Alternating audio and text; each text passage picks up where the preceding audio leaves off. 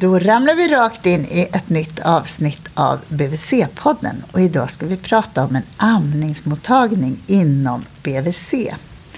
Jag heter Malin Bergström, jag är barnhälsovårdspsykolog i Stockholm och idag träffar jag Maria Haddad, barnsjuksköterska, jobbar på barnavårdscentralen i Sollentuna och projektledare för amningsmottagningen i Sollentuna. Och Kersti Grossvold jobbar också på Sollentuna BVC och inom amningsmottagningen i Sollentuna. Och det är ni två, eller är det framförallt du Maria, som har tagit initiativ till den här amningsmottagningen? Tillsammans med Kersti. Ja, okay.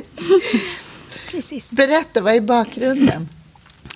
Bakgrunden till det är att eh, ja, under alla mina år på BVC har jag brunnit för amning och känt att det finns behov för att förbättra stödet när det gäller eh, för amning. Och eh, för eh, mammor och sen att eh, jag tycker att vi på BVC, vi sjuksköterskor på barnavårdscentralen, barnsjuksköterskor och distriktssköterskor har inte tagit så mycket plats eh, när det gäller amningsfrågor. Så eh, då vill jag gärna lyfta upp eh, hela kåren i det att vi, vi jobbar mycket med amning, men det är kanske inte alltid känt för föräldrar. Så jag mm, var det så att jag vill gärna synliggöra det osynliga jobbet. Men jag tänker att för många föräldrar så är BVC synonymt med amningsstöd i början. Stämmer inte det? Eh, inte alltid. inte vad jag upplever i alla fall. Eh, utan eh, har man amningsproblem så söker man sig till amningsmottagningen. Mm, och då menar du en amningsmottagning på något av sjukhusen? Ja, precis.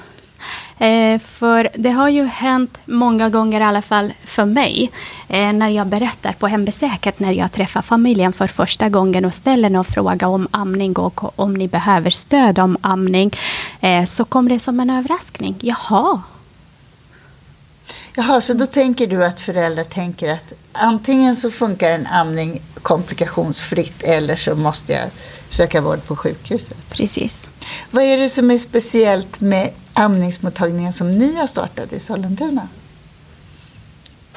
Eh, jag tänker att den ligger på BVC. Den ligger ute i primärvården, vilket underlättar för föräldrarna. De behöver inte åka in till de stora sjukhusen, eh, vilket vi får höra eh, varje dag vi har öppet. Att åh, vad skönt, det finns här så nära. Och vi ligger ju liksom i Rotebro, ligger amningsmottagningen, så det är bra för de som är norr, i norrort. Och att vi igen synliggör vårt jobb på BVC. Att det är, där kan man ställa amningsfrågor också. Även på vårt vanliga BVC-jobb, men även specifikt på amningsmottagningen. Eh, där de får längre tid på sig. Berätta, hur är den här mottagningen upplagd? Är den öppen dygnet runt eh, på heltid? Eller hur ser det ut? Berätta hur ni har liksom gjort för att starta den. Ja, vi, eh, vi är ju två personer eh, som jobbar på den mottagningen, så vi har ju inte öppet alla dagar. Vi har öppet måndagar och torsdagar. Och så har vi för besökarna från 10 till 15. Vi har telefonrådgivning och mottagningsbesök.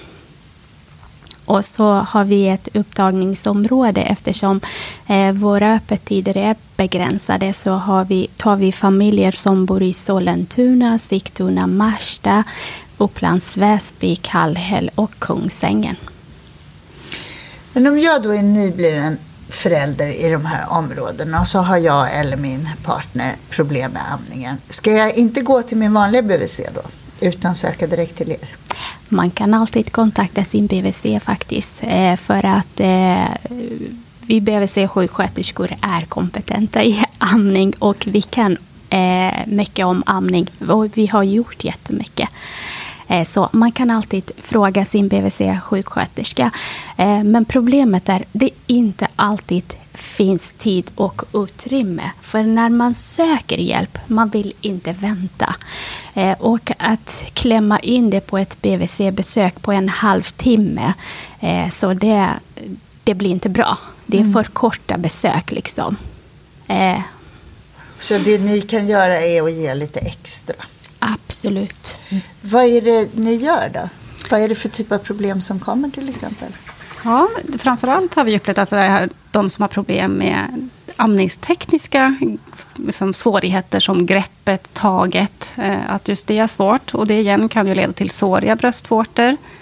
Eh, sen är det en del som har problem med, med att få igång produktionen eller få barnet att ta bröstet utan amningsnapp som vill ha hjälp med att bli av med amningsnappen eller bli av med ersättning.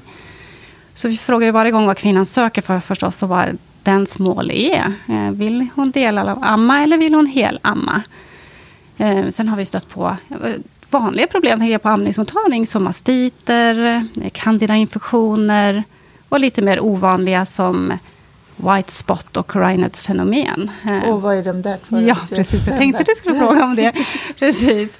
Eh, white spot handlar om kristaller som täpper till mjölkgångarna. Eh, som gör att då kommer inte mjölken ut ur den mjölkgången. Så behöver man hjälp med det. Eh, Reinhards fenomen är rätt och slett ischemi på bröstvårtan. Som man kan ha på sina händer och fötter och nästipp och öronsnibb. Heter det inte det? Jo. Man blir vit. Man blir vit helt enkelt. Och det är fruktansvärt smärtsamt. Mm. Men ganska ganska ovanligt, men det är ändå 20 procent av kvinnor som har någonstans på kroppen detta fenomen. Mm. Vad är det absolut vanligaste?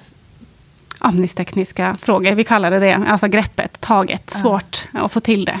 Mm. Och om ett barn inte får rätt tag, då kan man få svåra bröstvårtor för det slits åt något håll. Man tömmer inte brösten effektivt och så får man mjölkstockning eller mastit eller vad, vad, kan, vad är det mer som är förknippat med att barnet har fel tag eller grepp? tycker du har täckt in det mesta där egentligen. Wow. Ja, eh, faktiskt. Jag kommer inte på något mer. Nej, och det blir kanske inte optimal stimulans om barnet Just inte det. suger Mm, rätt. mm, Och då blir det komplikationer att man kanske inte får igång produktionen. Eh, så.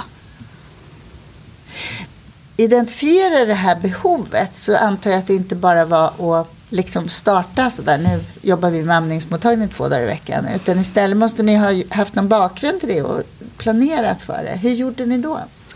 Eh, ja, när, eh, när vi kom fram i vilket eh, form vi ska göra någonting för amning, att vi ska driva ett amningsmottagning, så tog vi upp det med ledningen, vilket eh, de var väldigt positiva till det.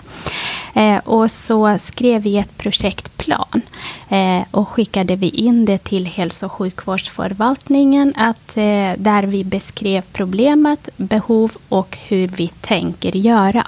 Eh, och för att göra möjligt för oss eh, med tanken på att vi båda jobbar ju på eh, barnavårdscentralen eh, rent praktiskt så bestämde vi att vi har öppet två dagar i veckan. Och så hälso och sjukvårdsförvaltningen godkände det. Vi fick medel för det. Och då eh, när vi började planera in det, när vi kom in mer i planeringen, så vi ville ju göra ett bra jobb från början, så bestämde vi att det ska vara ett forskningsprojekt. Så att vi forskar på eh, och kollar hur nöjda e-föräldrar är och delar vi lite frågeformulär så eh, vi kommer säkert mer eh, in på det. Och så eh, planerade vi in det. Vi skulle ha startat, eh, först hade vi en ambition, vi fick ju godkänt i augusti 2017 eh, och fick vi medel från hälso och sjukvårdsförvaltningen, men eh, planeringen gick inte in som vi hade tänkt oss först. Tänkte vi börja i november, då blev det december, sen skjuter vi upp till februari. Då kom vi i kontakt via eh, akademiska vårdcentraler eh, i kontakt med Karolinska, där, har, där vi samarbetar just kring forskningsprojektet. Och vad är det man tittar på i det här projektet då? Ja, vi har ju många frågor. Dels en, en eh, del frågor, demofrågor till föräldrar med bakgrundsfrågor. Allt ifrån eh, vad deras tanke kring amning var när de var gravida, tills eh, utbildningsnivå, hur bor de, var bor de, eh, hur, eh, hur föddes barnet, var det någon komplikation, fick de ligga hud mot hud, när fick de amma första gången? Det är många frågor. Eh, efter besöket så fyller föräldrarna i ett frågeformulär och fyller i hur nöjda de är av besöken, vad de sökte för, som vi inte tittar på överhuvudtaget. De lägger det i en låst brevlåda, så det är KI som kommer och hämtar de här. Alltså forsknings, eh, precis, sjuksköterskor från KI som hämtar frågeformulären och det är de som gör sammanfattningen. Eh, Är det så, jag tänker på alla de här demografiska bakgrundsvariablerna som du beskriver. Mm. Är det så att vi inte når eh, nyförlösta kvinnor i olika grupper på samma sätt? Är det svårare för kvinnor som är till exempel socioekonomiskt missgynnade att få amningsstöd? Ja, det finns ju faktiskt eh, stöd eh, i forskning som har visat det. Och så vi vill ju gärna kolla. Vilka är det som kommer till oss och vilka som vi inte når. Mm. Det låter som en väldigt god tanke. Mm. Om man tänker på barnhälsovårdens grundläggande mål är att vi ska jobba för att minska skillnader i hälsa eller minska skillnader i förutsättningar för hälsa. Exakt. Vi har ju besök med eh, tolk eh, också. Vet du ungefär hur stor andel? Inte lika vanligt. Nej. Mm. Nej. Nej, vi har inte räknat, men jag skulle gissa 5-10 procent. Det är inte jättemånga. Det är det inte. Men vi har ju området Sigtuna-Märsta som är känt för att vara men lite socioekonomiskt svagare område och som har en del problematik. Eh, Så vi har ju en del besökare därifrån. Så de når oss ju, men vi vet ju inte om vi når alla som skulle behöva. Mm. Men det vet man inte. Det, men det är också så att det här är en amningsmottagning på primärvårdsnivå, vilket jag förstår är unikt. Betyder det att det finns vissa kvinnor som ni också behöver remittera vidare? Eh, Ja, absolut. Eh, Vi har en läkare från vårdcentralen som kan eh, i behov av konsultation till exempel om besöken eller patienten behöver ha medicinrecept så kan vi ta del av det. Men vissa, när det är bröstkomplikationer, behöver man ju ha mer akutvård så de kan vi remittera vidare till gynakuten. Men de allra flesta kan ni ta hand om på er nivå? Eh, absolut. Det är inte jätte, jättevanligt med eh, ovanliga bröstkomplikationer. Så det händer här och då att vi behöver remittera, men det är inte jättevanligt. De flesta får ju hjälp hos oss. Och då tänker vi framförallt på bröstbölder eh, som vi behöver remittera vidare. Eller knölar eh, som behöver kollas upp. Som inte är mastiter utan annat kanske. Mm. Om det, du sa, Kersti, att något av det vanligaste är eh, att barnet har fel grepp. Mm. Hur konkret jobbar man med det? Ja, där har vi pedagogiska hjälpmedel som docka och tygbröst som vi visar på. Eh, vi tänker att det är viktigt att man... Eh, forskning har också visat där att hands-on ska man inte hålla på med. Alltså, man ska visa på docka och tygbröst och, och kvinnan ska själv få reglera och ändra positionen på sitt barn till sitt bröst. Så man är försiktig men man ska inte ta på kvinnans bröst. Eh, utan vi, vi använder pedagogiska hjälpmedel och gör en amningsobservation i stort sett alltid och en amningsstatus så att man liksom kollar hur ser det ut och kan ge tips och råd om justeringar under besöket. Är det sån kunskap som skulle kunna spridas på BVC, sedvanlig BVC? Tycker ni? Eller är det här någonting att rekommendera att det skulle sprida sig? Att man har tid för en särskild amningsmottagning? Jag skulle nog tänka att det är jättebra att redan från MVC när eh, kvinnan under graviditeten bör känna till det. Att man informerar vad man kan själv göra och hur kan det gå till. Eh, och sen under tiden på BB att man innan man skriver ut eh, mamman att man eh, verkligen visar eller går igenom speciellt med amningsstatus för det är väldigt enkla råd. Eh, enkla åtgärder som gör så stor skillnad. Kan du, Eh. kan du beskriva? Eh, Till exempel det där med barnets tag, barnets lägger vid bröstet, eh, mammas amningsställning, mammas känsla under amning, eh, om det gör ont, eh, bröstvårtan innan och efter amning, att man eh, kollar på det. Eh, och så har man koll på fem enkla saker så kan man ju förebygga väldigt många komplikationer eller problem helt enkelt. Så från hela vårdkedjan. Under graviditeten och sen när vi skriver in redan på hembesöket att man kan ställa in frågan. Och eh, känns det oklart kan man ju alltid titta på en amning och så kan man justera. Så det gör ju skillnad. Behöver man specialistkunskap för att göra amningsobservationer? Eh, nej, det tycker jag inte. Eh, utan eh, är, man, är man påläst då kan man det. Eh, vi har, eh, det här kan jag flika in att vi, vi kanske inte alltid... Eh, jag nämnde ju precis att vi har inte tagit så mycket plats i amningsfrågor, vi som jobbar på barnavårdscentralen. Eh, men eh, att vi måste höja vår tillit till vår kunskap. Vi har kunskap. Det behöver inte vara så avancerat. Det är så enkla saker som gör så stor skillnad.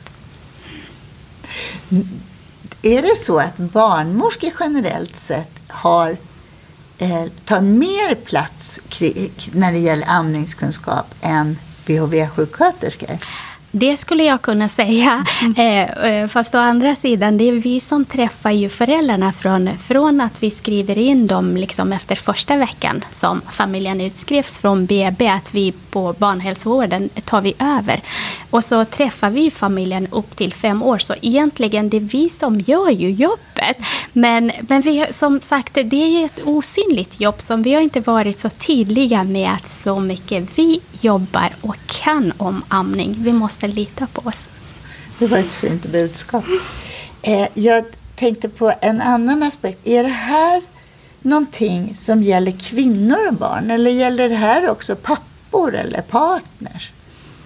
Jag tänker forskning visar ju att det är otroligt viktigt med partners stöd, alltså närståendes stöd för en lyckad amning.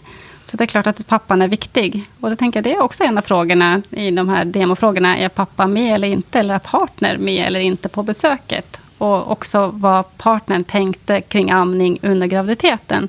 är också en av frågorna. Så man vill ju dit. Och man kan absolut ha ett jämställt föräldraskap eh, med en hel, liksom, helamning. Jag tänker det är inte där det, det det handlar om, om vilket sätt barnet matas. Utan det finns så många andra sätt att vara med sitt barn. Men har det betydelse också för hur man hanterar amningsproblem att ni till exempel träffar båda föräldrarna? Gör ni det? Ja, det gör vi. Vi uppmuntrar. Vi har haft till exempel, eh, vi försöker jobba aktivt att verkligen engagera eh, och att eh, både, både mamma och pappa eller båda partner känner sig sedda när de kommer till oss. Hur vi har möblerat rummet, att man alltid att båda sitter bredvid varandra. Att man inte bara tittar på mamman när man gör den här amningsobservationen och verkligen inkludera att det är familjen, att man ammar tillsammans. Det är något som vi jobbar väldigt aktivt med, eh, medveten om det. Och det är ju det att vi lyft upp det och berättar för eh, föräldrarna hur viktigt det är stödet eh, för mamma. Eh, men sen har vi haft besök till exempel som partner sitter kvar i väntrummet och frågar jätteförsiktigt Får jag följa med? Får jag komma in på rummet? Och så när man berättar hur viktigt det är för stödet och att det gör jätteskillnad så eh, går man ut rakryggat att man har varit med under besöket. Så det uppmanar vi att man ska komma båda två om man har möjlighet det där stödet. Är det praktiskt eller har det där också att göra med amningens känslomässiga sidor? Att det finns en massa sorg och rädsla och ångest och sådär om man, när man, amningen strular? Eh, det kan absolut vara det. Eh, vi försöker höra eh, och lyssna mycket på vad eh, upplevelsen om amning, eh, vad har man för erfarenheter tidigare eh, och vad är det man vill och vad är det man söker. Vi anpassar vårt stöd alltid utifrån familjens önskemål, vad de har för amningsmål. Och så skriver vi alltid ner i journalen. Till exempel att eh, om det är så att föräldrarna har bestämt sig för delamning, då är det bara att acceptera och försöka hjälpa familjen att må, nå sitt mål. Mm. Hur, hur många gånger kommer man till er? Är det ofta så att man behöver komma många gånger eller är det många som rinner igenom ett besök? Ja, vi har ju lite statistik på det förstås. Ja. Eh, och där har vi ju sett att det är ungefär 40 procent som kommer tillbaka igen. Eh, två till fyra gånger. Eh, men många räcker det med ett besök också då, med andra ord. Så över 50 procent är det ju bara ett besök. Mm. Och ännu fler hjälper vi ju enbart med telefonrådgivning. Man kan ha ganska långa telefonsamtal, vad, man liksom, vad det räcker eh, med telefonsamtalet. Hur upplever ni det? Jag tänker på hela den digitaliserade vården som håller på att explodera nu och det finns oro kring det. Hur, hur är det att mm. ge amningsrådgivning via, telefon? Är det en brist att man inte ser eller känner ni att ni når fram? Eh, det är både och. Vissa, vissa saker vill man gärna se med egna ögon. Men, eh, men om man har lite längre stund avsatt tid för telefonrådgivning, att man inte behöver avsluta samtalet efter tre minuter eh, och lyssna in på vad kvinnan berättar, så i många gånger räcker absolut med telefonrådgivning. Jag tänker att du tänker lite på videosamtal eller var det, mm. var det någon sån tanke? Mm. Precis, och det har ju vi funderat lite kring. Vi kan ju inte plötsligt börja med något nytt mitt i ett eh, projekt, eh, forskningsprojekt. Men, eh, men den möjligheten finns ju att ta tag i framöver om, om det kommer att bli en fortsättning. Och det vet ni inte nu, för nu jobbar ni i projektform och ni jobbar under ett år. Det stämmer. Mm. Och så hoppas ni att ni ska få fortsätta? Vi hoppas verkligen att vi får fortsätta att göra skillnad. det låter toppen. Hur har informationen spridits om den här mottagningen? Eh, ja, eh, du, på grund av digitaliseringen så är det nätet de flesta hittar faktiskt information om oss. Vi har ju skrivit, eh, på 1177 står det, eh, sen eh, på eh, Amningshjälpens hemsida Danderyds sjukhus har skrivit på sin eh, eh, hemsida om vår mottagning. Sen eh, finns det eh, Vårt Fokus har skrivit en liten artikel om eh, vår amningsmottagning. Eh, och sen eh, vi har ju öppna förskolor i Sollentuna som sprider eh, information ehm, kontinuitet och sen, sen föräldrar. BVC. Och sen alla BVC som vi har eh, i, inom vår eh, upptagningsområde. Vi skickade ju mejl i början till alla berörda BVC, barnmorskemottagning, vårdcentraler, eh, BB. Eh, mm. Och sen eh, vi, vi har affischer som hänger. Eh, där också har vi skickat. Och sen har vi våra vykort och visitkort. Så ni har lagt ganska mycket vikt vid informationsspridning får man säga. Ni har varit noga med det. Eh, absolut, för vi vill ju gärna nå så många eh, som möjligt. Vad tycker ni att man behöver för att om man tänker, om man är, som BHV-sjuksköterska är intresserad av amning mm. och tänker amningsmottagning, det borde vi också ha. Vad tycker ni att man behöver då för att starta? Jag tänker att det kan eh, faktiskt vara bra att eh, läsa på lite mer också. Det har ju barnhälsovården sina amningskurser eh, också. Men även, eh, även en amningskurs kurs med högskolepoäng kan också vara ett, ett värde i det. Att man har en tyngd. Eh, mycket för sig själv, tänker jag, och även för andra. Vi får jätteofta den frågan av våra kollegor. Vad vi har för bakgrund. Så jag tänker att det kan vara ett stöd till, till sig själv. Sen tror jag att många kan jättemycket utan det också. Men det är, det är ett bra steg i rätt riktning. Och vi har också tagit hjälp av en amningscertifierad barnmorska från AMSAC som handleder oss ungefär en gång i månaden eller en gång varannan månad när det gäller våra funderingar sen vi öppnade amningsmottagningen. Så det här är också ett sätt att utveckla er kunskap och få fokusera just på amning? Absolut, verkligen.